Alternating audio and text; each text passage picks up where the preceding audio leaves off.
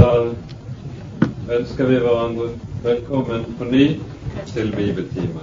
Det er godt å se dere alle. Det vi i dag skal snakke om, det er det som på en særskilt måte er Guds stell med profeten Elias personlig. Vi leser jo mye om hans egen tjeneste. Nå skal vi se litt i dag på hvordan Gud steller med Elias selv. Og der ligger vel egentlig hemmeligheten i alt det andre gjemt også. Men før vi snakker mer om det, så skal vi synge sammen 'Vår Gud, han er så fast en borg'. 243.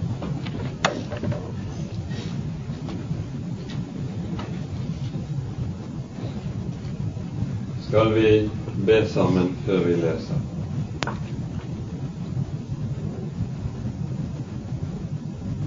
Kjære Herre, du trofaste Gud, du som er Gud over alle ting. For deg er det ingenting som er umulig. Du døder og gjør levende. Du gjør fattig og gjør rik. Og du reiser den ringe av støv. Nå ber vi deg at du, Herre, vil komme og ta deg av oss. Kom inn i hvert enkelt liv hos oss.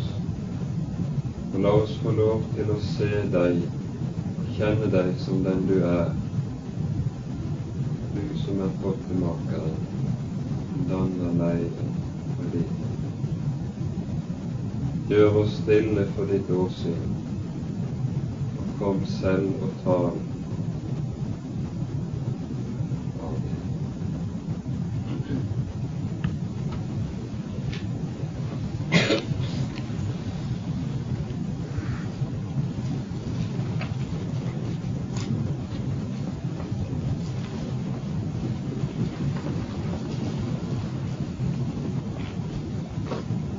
Det var, vi var sammen om sist gang, var Elias først Elias fremtreden og første sendelse til Israel.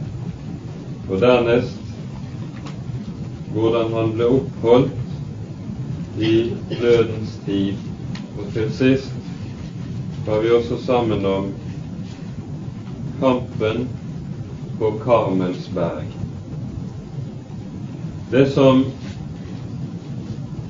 vi kanskje må si er det første som preger Elias' opptreden eller fremtreden, er det at han kommer brått. Akkurat på samme måte som profetien sa at Johannes døperen kom brått, vil si uten noe forvarsel, noen foranledning som skulle kunne gi til kjenne at nå er det noe i gjære.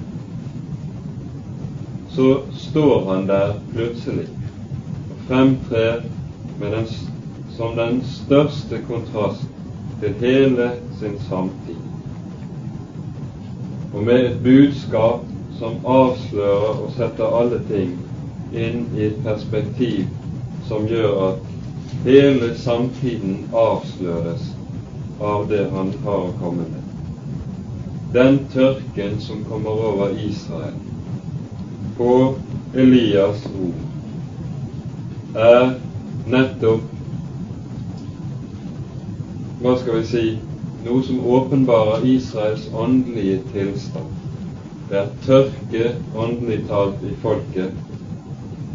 Guds folk er blitt som en ørken, uten liv, uten frukt og uten noe for Guds barn å leve av eller på. Så rammer den tre og et halvt års tørke som kommer Israel, og Israels gudsdyrkelse i hjertet. Fordi Baal var jo fruktbarhetsgud. Selv blir så Elia bevart dag for dag gjennom denne tiden. Først gjennom Guds ravner ved bekken Krit, og siden i Sarepta hos en fattig enke. Og så kommer vi etter de tre og et halvt år frem til Karmel, der vi har den veldige kampen mellom Gud og Guds tjener Elia på den ene side og Baal og Baals 450 profeter på den andre siden. Og Her møter vi liksom i en sum det som hele Elias liv dreier seg om, og egentlig hele bibelhistorien òg. Nemlig at Gud tar opp hansken, tar opp utfordringen for å møte sine motstandere. Og Her skal vi være klar over noe som jeg tror er en veldig farlig tilsnikelse i vår språkbruk i dag. Vi taler om at vår tid er full av utfordringer, ikke minst på det åndelige området, som vi skal møte og ta opp som kristne. Det er ikke sant. Det er Guds sak å ta opp vår tids utfordringer, ikke vår sak. Og vi går inn på det som er Guds enemerker, om vi tror at det er vår sak at det nettopp er Guds sak, dette, det ser vi på Karmel.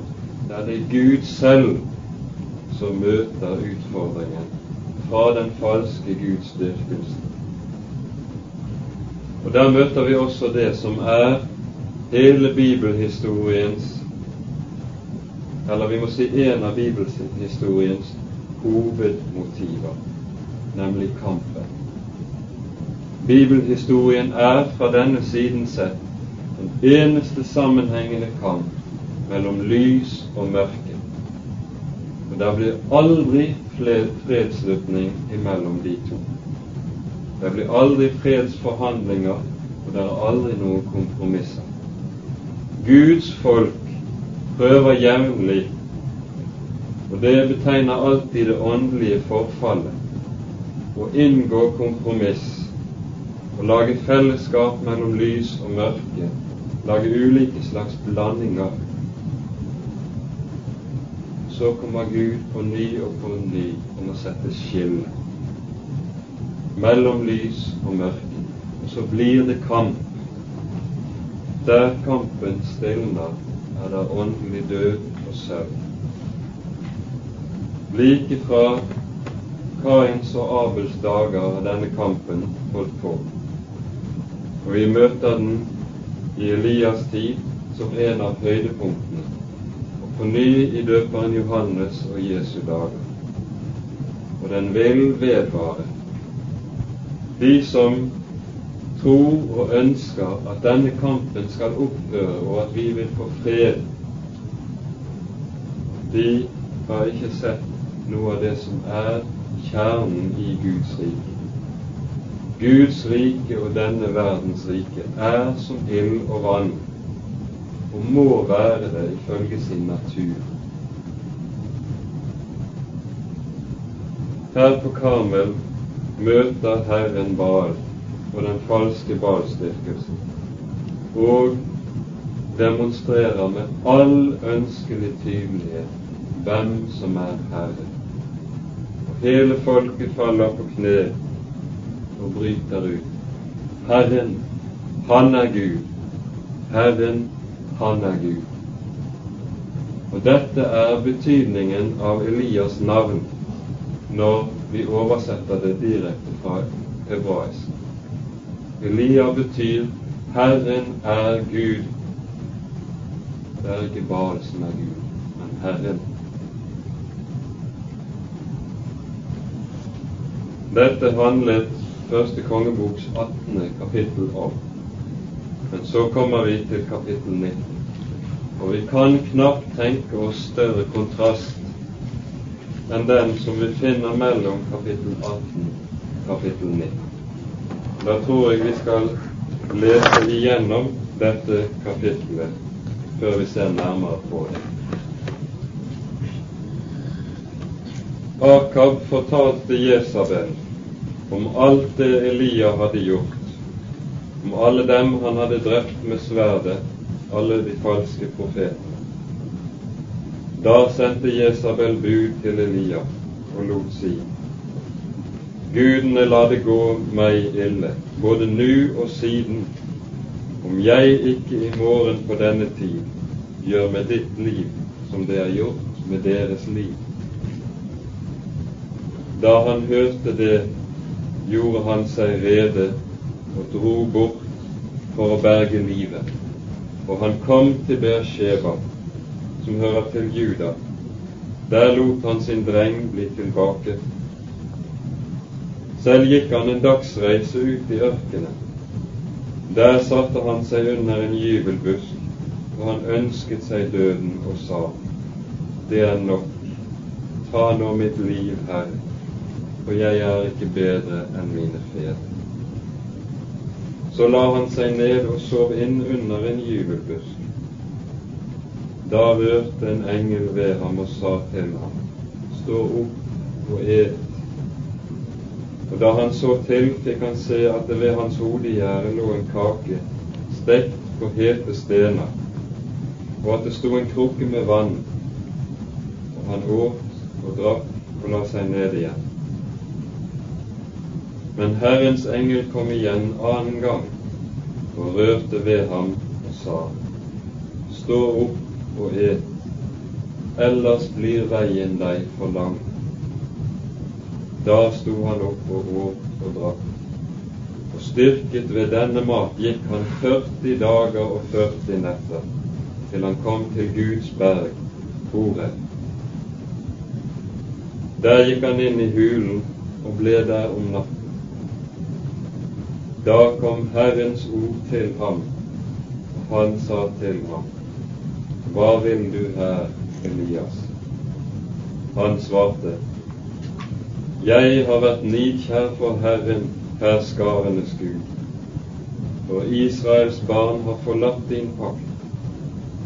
Dine alter har de revet ned. Dine profeter har de drept med sverdet. Jeg er alene tilbake og de står meg etter livet. Han sa, Gå ut og stå på fjellet for Herrens åsyn. Da gikk Herren forbi der, og det kom en stor og sterk storm som sønderhev fjell og knuste klipper foran Herren. Men Herren var ikke i stormen. Etter stormen kom det et jordskjelv men Herren var ikke i jordskjelvet. Etter jordskjelvet kom det en ild, men Herren var ikke i ilden. Og etter ilden kom, det, kom lyden av en stille sus. Da Elia hørte den, dekket han sitt ansikt til med sin kappe og gikk ut og sto ved inngangen til hulen. Da kom det en røst til ham og sa, Hva vil du her, Elia? Han svarte, Jeg har vært nidkjær for Herren, herskarenes Gud. For Israels barn har forlatt din pakt. Dine alter har de revet ned. Dine profeter har de drept med sverdet. Jeg er alene tilbake og de står meg etter livet. Da sa Herren til ham, gå tilbake igjen. Der tror jeg vi stanser på det.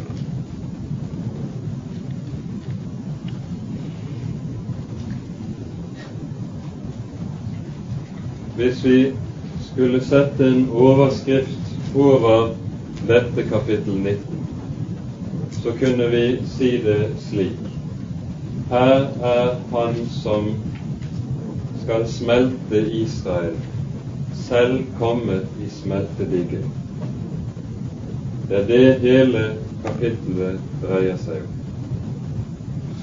Etter kampen på Karmel og seieren der, blir dronning Jesabels reaksjon voldsom. Og vi kan naturligvis ikke vente noe annet. Fra hennes side er det ikke tale om noen form for omvendelse. Det er kun hevntørst. Så truer hun av Elias på livet. Og kong Akab, svak som han er, bøyer seg som et siv for vinden og gir etter for Jesabel. Akab er her i Det gamle testamentet en forunderlig person som er kjennetegnet først og fremst ved én ting. Det er sin svakhet, det at han er bundet med så sterke bånd til et menneske at han som er herre, aldri får nå riktig inn til ham.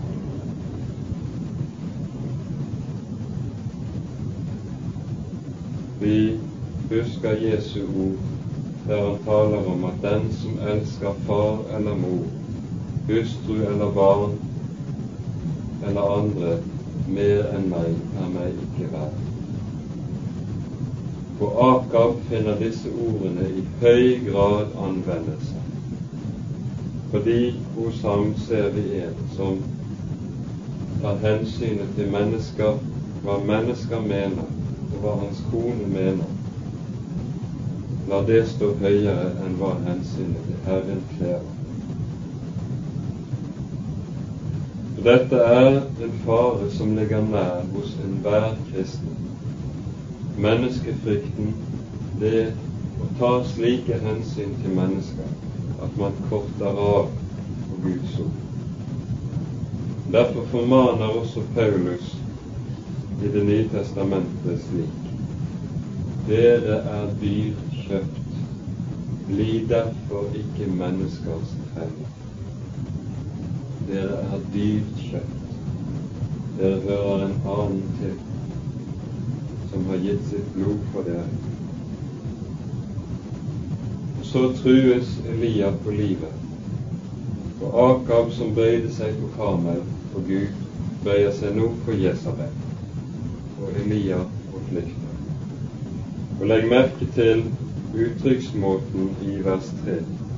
Da han hørte det, står det om Elias grunnteksten står det da han så det.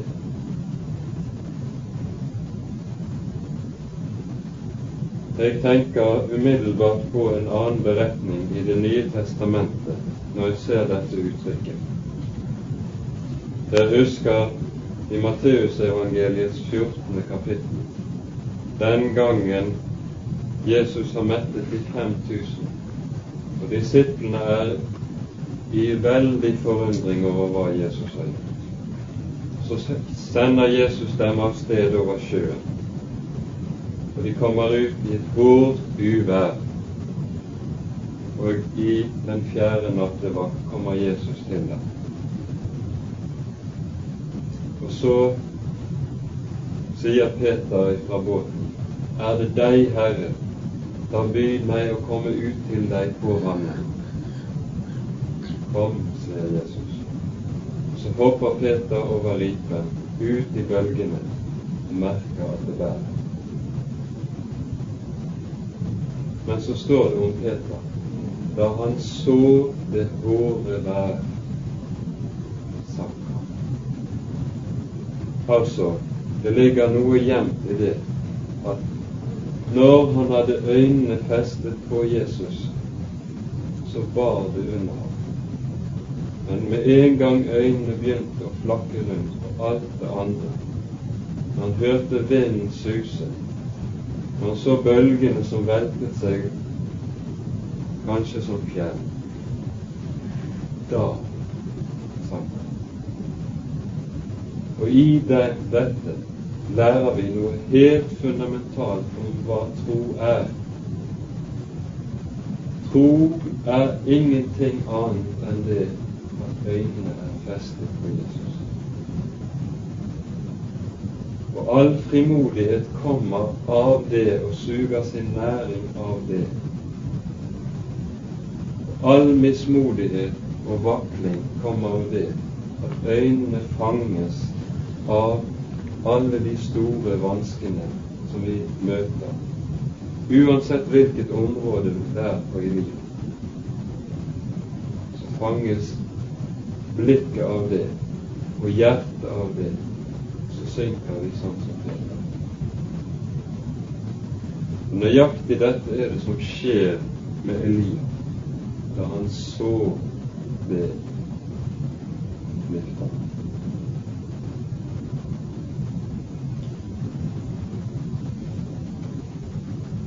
Her møter vi en forunderlig kontrast. I kapittel 18 møter vi troskjempen. Her er en som skjelver i redsel bare for en trussel. Og så flykter han. Hvor er nå frimodigheten hos Elias? Hvor er troskjempen hen? Det er akkurat som han har mistet hele troens brynje og rustning og ikke har noen ting igjen Så tar han flukten som en svak og elendig og hjelpeløs liten stakkar.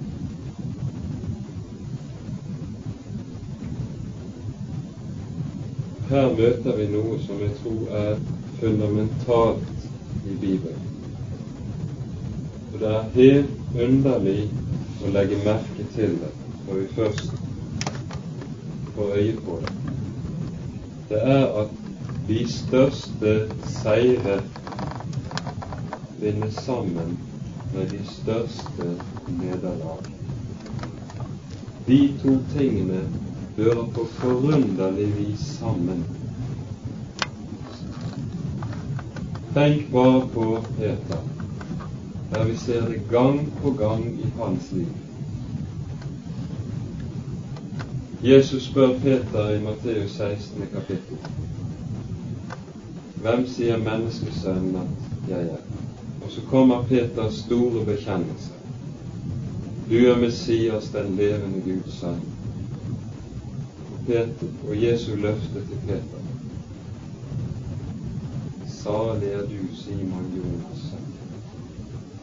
Dette er ikke kjøtt og blod åpenbart deg, men min himmelske Far. Og jeg, på denne klippet, vil jeg bygge altså på Peters bekjennelse ved Jesus bygge. Og hva skjer bare et par vers nedenfor? Vik bak meg, Satan. Fra den største velsignelse og saligprisning ned i det dypeste mørke. Det samme den siste natten Jesus var sammen med disiplene.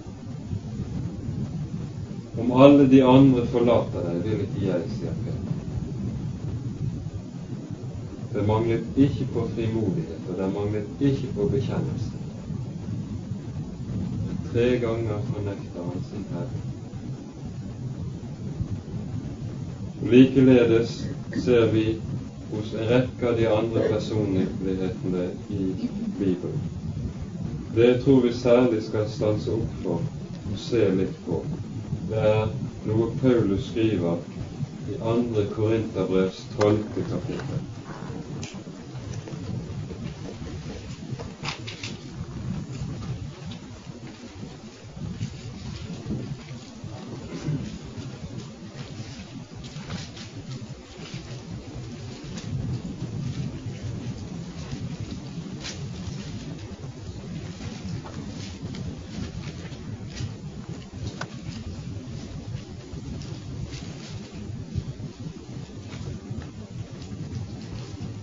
Taler Paulus om store og veldige opplevelser som han har hatt med Gud.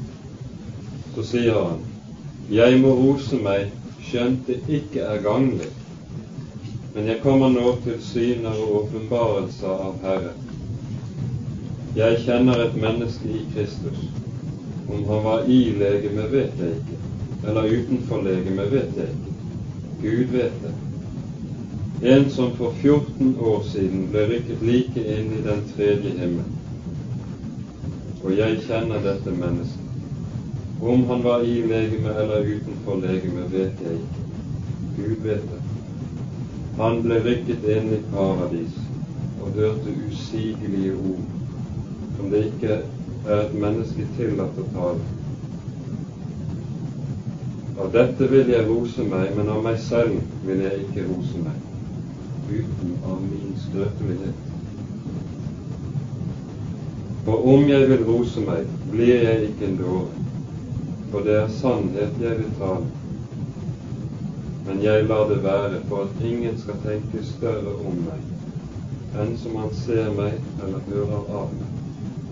Og så kommer For at jeg ikke skal opphøye meg av de høye åpenbarelser, er det gitt meg en tårn i kjølen, en Satans engel, for at han skal slå meg, så jeg ikke skal opphøye meg.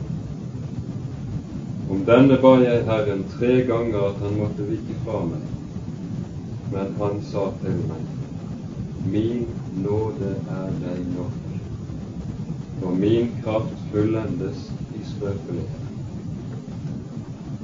Det er knapt noe menneske som har opplevd og sett slike ting som det Paulus fikk se.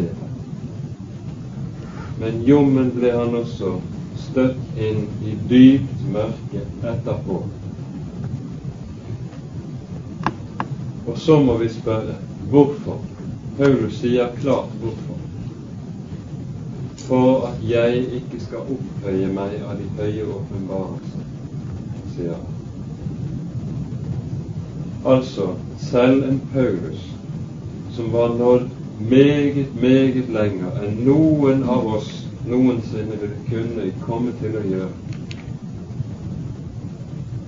Selv for ham lå denne faren nær at man på en, han på en eller annen måte skulle misbruke en stor Guds gave, ta det til egen inntekt, sånn at han selv ble stor stedet for han som han stolte på og levet for oss.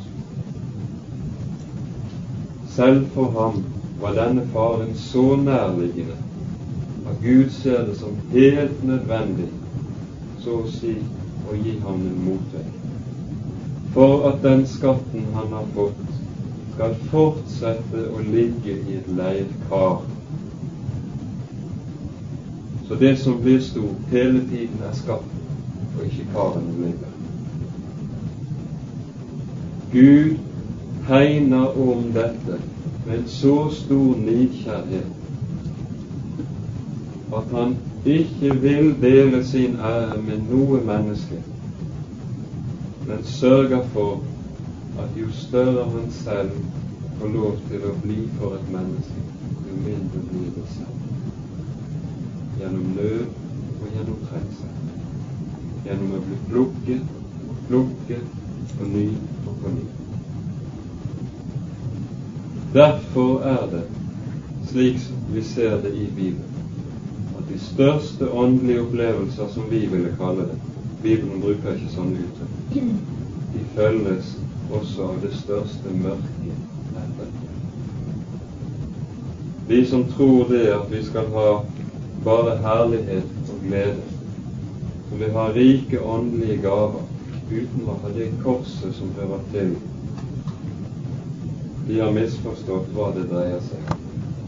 Det mennesket Gud gir en gave, det gir han alltid et tilsvarende kors være, for at gaven ikke skal bli noe som det mennesket bruker egentlig. Dette er Gud meget, meget nøye med.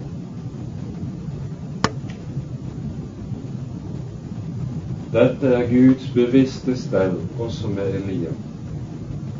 Og lutringen er helt nødvendig fordi det ikke er slik med oss mennesker som vi har lett for å tro, at har vi levet lenge med Herren, så er jeg fri for synd. Så har jeg kunnet gjennomleve en så sterk grad av forbedring i livet mitt at noe liksom synden og det gamle mennesket ikke er noe problem der. Nei. Det gamle er der, mennesket er der med hele sin ormegift. Gud må sørge for å ta sine forholdsregler hele tiden for Luther. Og så er han pottemakeren som former leiren ved en død.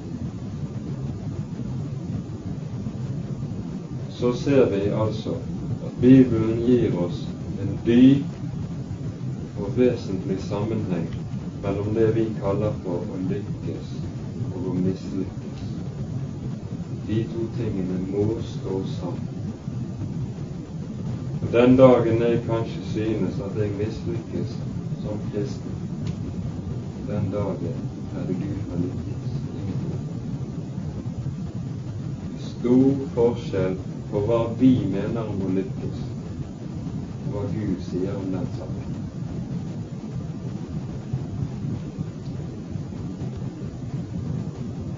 Det Elia gjør her, det at han først nærmest virrer omkring uten å vite hvor han skal gjøre av seg. Det står i vers 3 egentlig i grunnteksten han gikk hvor hans føtter ledet ham, eller hvor hans sjel ledet ham. Nå hadde han ikke noe klart Guds ord som sa 'gå dit' eller 'gjør dit', slik han hele tiden hadde hatt tidligere i livet. Men så havner han altså i Bersheba. Han søker å komme lengst mulig unna Jesabels innflytelse. Bersheba ligger helt syd i Israel, i Negev-ørkenen, og altså utenfor Jesabels maktområde. Der etterlater han tjeneren sin, medhjelperen sin, og reiser selv en dagsreis ut i ørkenen. Trett av livet legger han seg under gyvlobusken og ønsker å dø. Han ønsket seg døden, står det, og sa, det er nok, ta nå mitt liv, Herre, for jeg er ikke bedre enn mine fedre.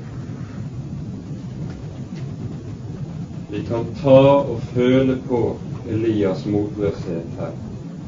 Det er nok, jeg klarer ikke mer Det er det han sier. Og Hvis vi går litt inn i det for å se hva som ligger bak her, så kan vi i hvert fall sette opp et par punkter. For det første skuffelsen. Skuffede forventninger. Han hadde ventet at nå ville omslaget komme i Israel. Nå ville reformasjonen være der. Alt folket hadde jo sett hva som hadde skjedd. Nå ville de på ny vende tilbake til Herren. Og det skulle bli blomstringstid og vårløsning i Israel. Så skjer det stikk motsatte av det han hadde ventet, håpet, det han hadde arbeidet for og bedt for. Det Gud selv hadde sendt ham for, stikk motsatte skjer. Så skal vi kanskje lære oss ved dette at om kallet mitt, om min tjeneste, ikke får de følger jeg hadde ventet meg, er det dermed ikke sagt at det ikke får de følger Gud har planlagt. Gud skal nok la det komme i sin tid og på sin måte. Og vi er aldri Guds rådgivere i dette at våre forventninger er noe Han skulle oppfylle. Men skuffelsen ligger bak, det skjønner. Og tvil, det må vi si er det andre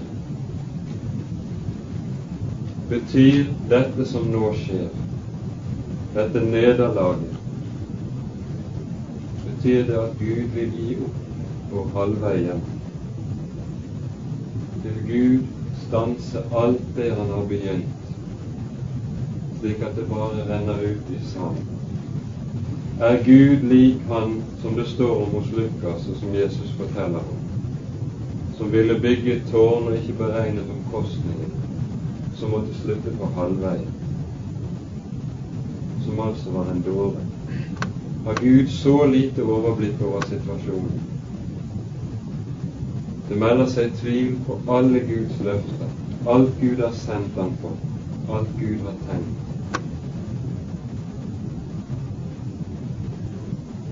Så kommer tanken om og følelsen av egen mislykkethet inn i det hele.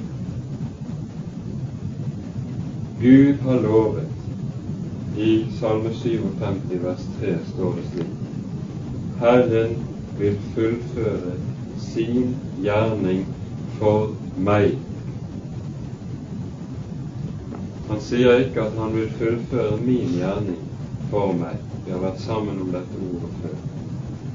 Han sier ikke at jeg skal fullføre det for ham, men han sier at han vil fullføre sin gjerning for meg. Da må det også bli på hans måte, i hans tid og på hans premisser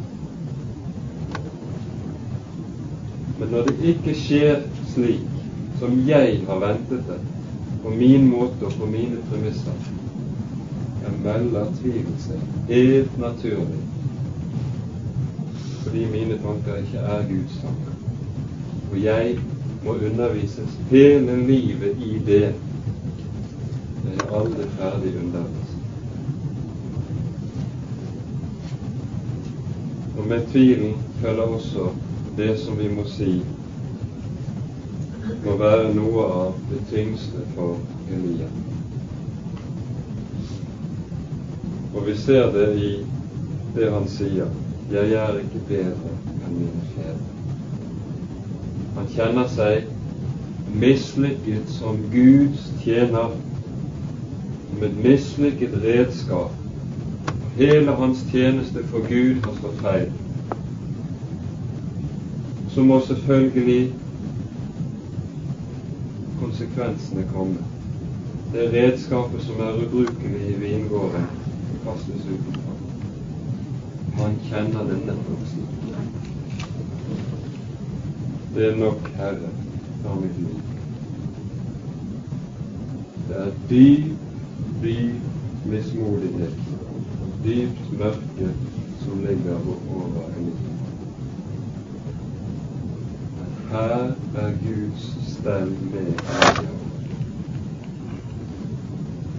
For nå skal han lære noe om at det ikke er hans løping, det er ikke hans tjeneste som bringer frukt i Israel, men Guds miskunnhet alene. Gud må gjøre dette klart for, for Elia på, på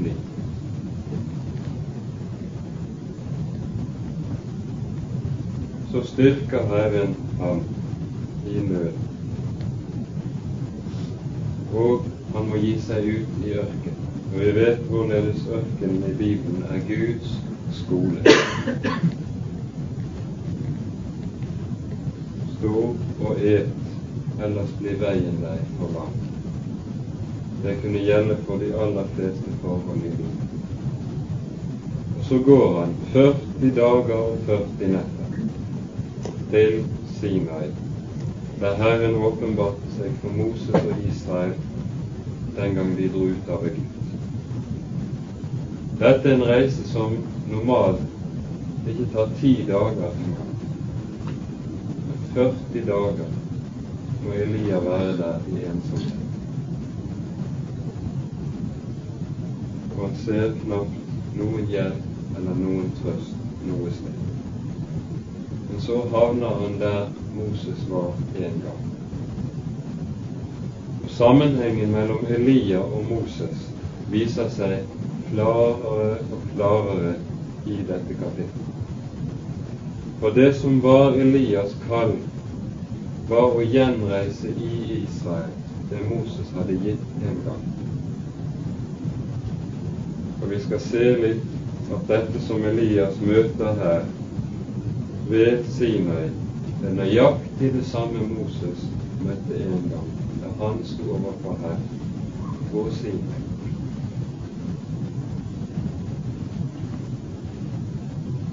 Så går han inn i hulen. Dette står i bestemt form. Dette er den samme hulen som Moses gikk inn i den gangen han var alene på Sinai-strand. Står om det i 2. Moseboks 32. til 34. kapittel.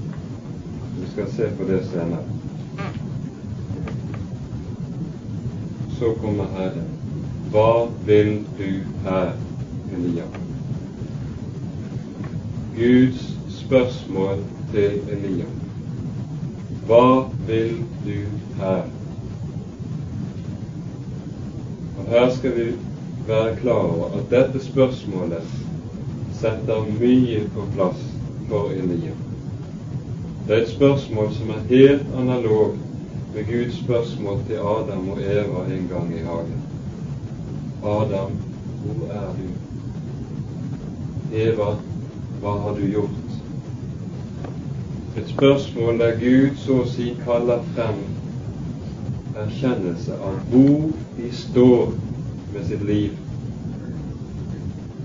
For i Elias nød, i hans sorg, lå der ikke bare rent mismot, men det lå anklage både mot Gud og mennesker Ja. Og så ser vi her at Guds sak, det Gud vil, det Gud må. Det er ikke bare å svare på et spørsmål som stilles av et menneske. Han må selv også vekke de spørsmålene som er nødvendige fra et menneskes hjerte. Hva gjør du her, Elias? Hva skal du her i det hele tatt? Så svarer Elias, og legg nøye merke til Elias svar. I dette ligger det gjemt for det første ord om han selv. Jeg har vært nykjær. Han synes vel egentlig at han ikke har fått lønn for strev. Bak det ligger meget av lovsinne som ligger gjemt i våre hjerter. Og for det andre anklagen mot Guds folk. Her opptrer Elias som anklageren. Det har Gud aldeles ikke kalt han til.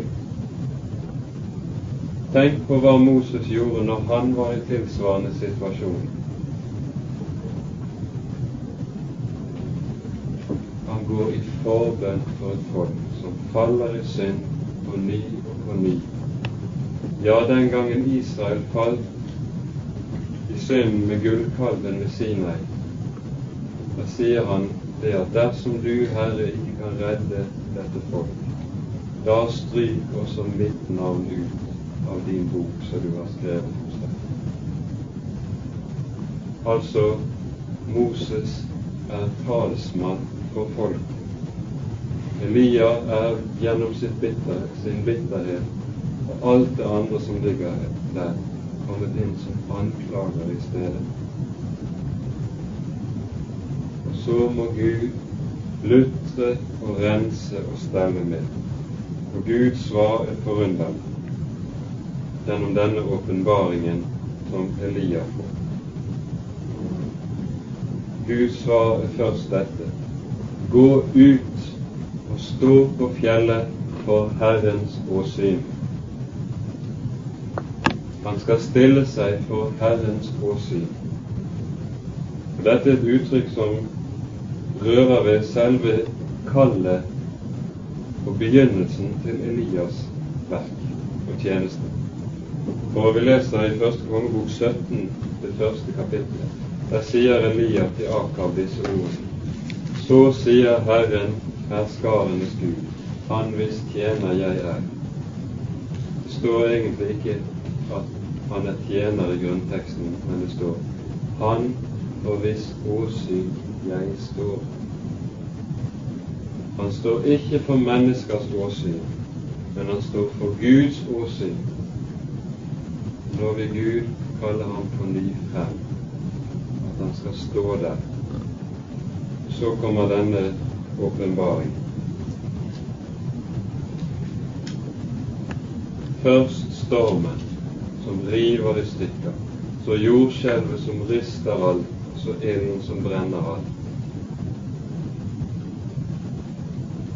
Alt dette går foran Herren, men Herren var ikke i noe av det. Hva betyr det?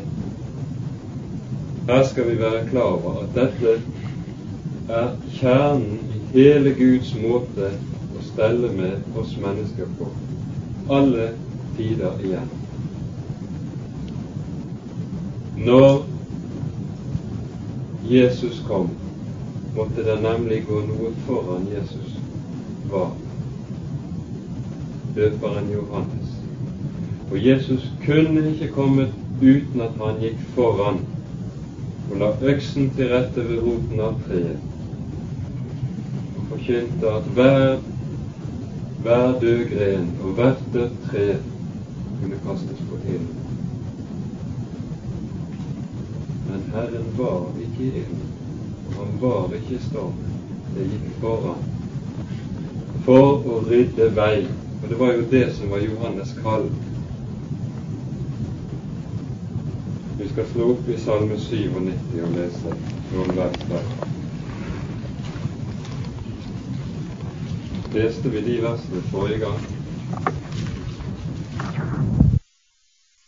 Det er akkurat som disse versene så å si er en utleggelse av det vi har lest hos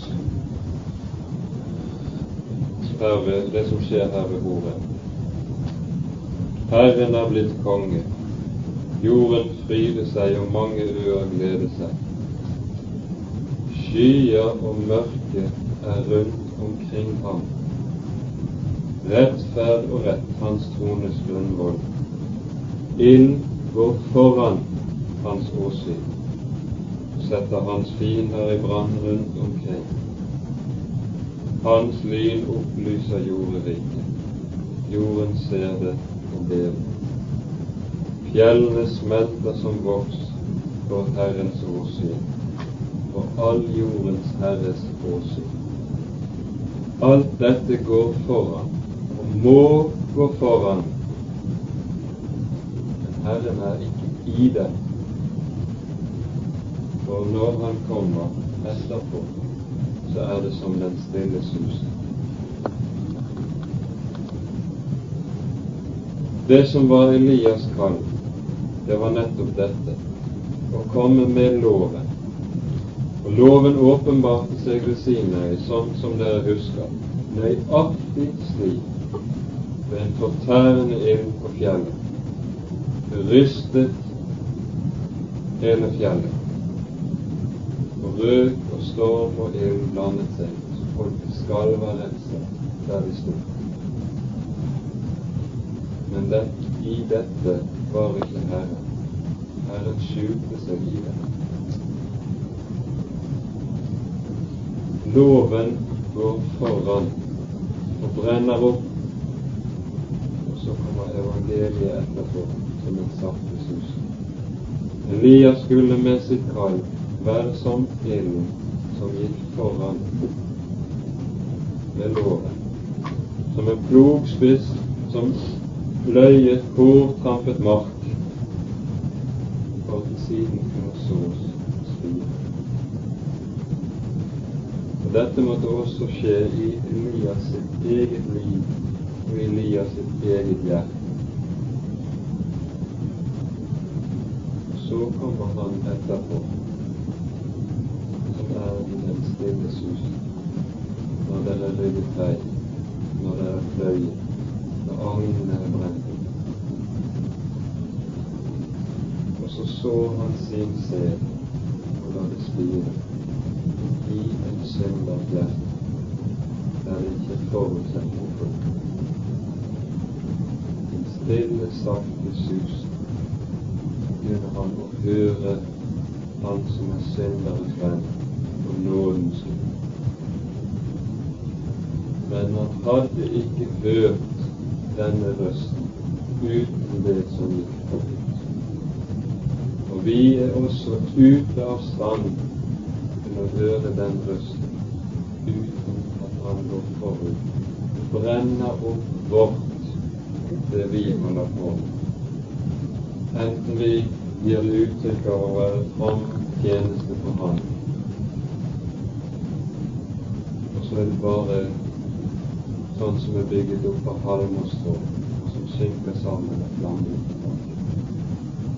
Alt det skal loven rive vekk gjøre oss stille, så vi hører den sakte susen der han kommer. Og dette var hensikten med Elias' sendelse i fortsettelsen.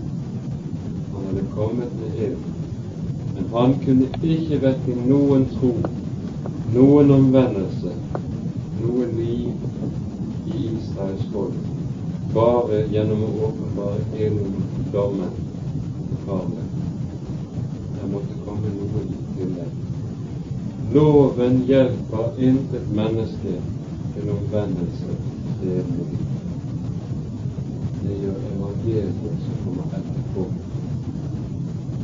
Å gi fred, frelse og hvile for synder som ikke har hvile noe annet men som det er som liv å få den stille susen, og ikke høres noe annet. Vi slår opp i Andre Moseboks 34. kapittel.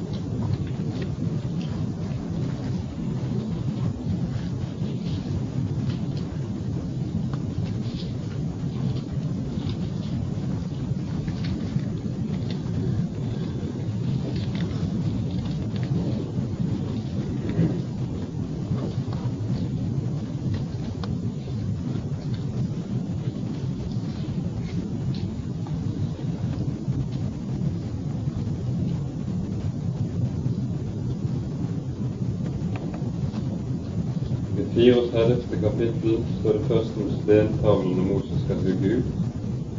Så leser vi fra vers 5. Der har Moses først bedt om å få se Herrens herlighet åsyn til åsyn. Så sier Herren at det kan han ikke, for intet menneske kan se Guds herlighet og leve. Men du skal få se meg bakfra, sier han. Og så svar sier, står det slik fra vers 5. Herren steg ned i skyen og stilte seg der hos Moses og ropte ut Herrens navn. Og Herren gikk forbi hans ansikt og ropte. Herren, Herren er en barmhjertig og nådig Gud, langmodig og rik på miskunnhet og sannhet. Han bevarer miskunnhet mot tusen ledd han forlater misgjerning og overtredelse og synd, men han lar ikke den skyldige ustraffet. Han hjemsøker fedrenes misgjerning for barn og barnebarn, for dem i tredje og i fjerde ledd. Og i vers 21-23 står det i det 33. kapittelet. Deretter sa Herren, se her, tett ved meg er et sted, still deg derved på berg. Når min herlighet går forbi, da vil jeg la deg stå i fjellkløften. Jeg vil dekke deg med min hånd, og vil dekke med min hånd over deg til jeg går forbi. Så vil jeg ta min hånd bort. Så ropes det ut det som er Guds egentlige og sanne vesen og som en og det andre bare tjenere for til å fremheve, til, for at det skal kunne stå alene og lyse. Herren er en barmhjertig og nådig rik og miskunnig. Det lærer vi aldri. Stadig på ny når vi har sviktet, når vi har falt, og når vi er i mørket, slik Elia var, tror vi på ny om Gud at Han er fattig på miskunn og barmhjertig. Nå rekker det ikke lenger. Nå har Han kastet meg bort. Nå skjuler Han sitt ansikt for meg og vil ikke vite av meg mer. Og Derfor er det det står i det verset etterpå Han bevarer miskunnheten. Fordi vi er ute av stand til å bevare denne hans misten i våre hjerter. Akkurat som vi glipper ut av hendene på oss når vi aller mest føler at vi trenger å holde fast på så bevarer Han og holder fast for dem som ikke klarer seg. I den stille susen er dette det han fortjener, og åpenbart. Så spør Gud på ny hva gjør du her i meg? Og ordene han svarer med de samme så er tonen en hav. Så sier Herren, gå tilbake igjen. Nå kan han gå. Ikke som anklager, men som en som er sendt, også kan være med. For nå har han fått for sin egen del det Israel, Israel trengte for sin del. Da tror jeg vi skal lese fra 2. Korinterbrevs første kapittel, som samler dette som i en søk.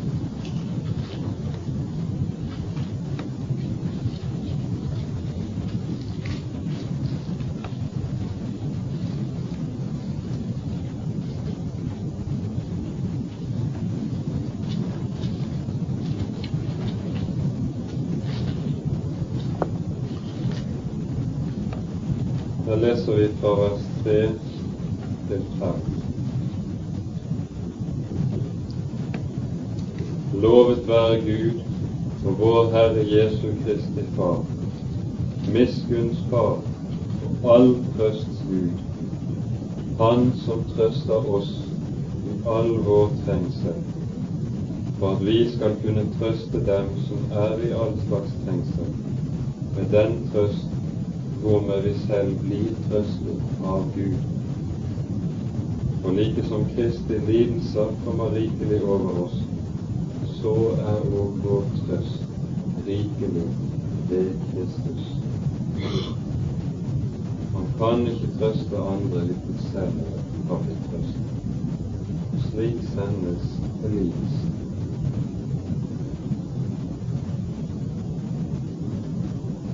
Der tror jeg vi kan stanse for denne gang.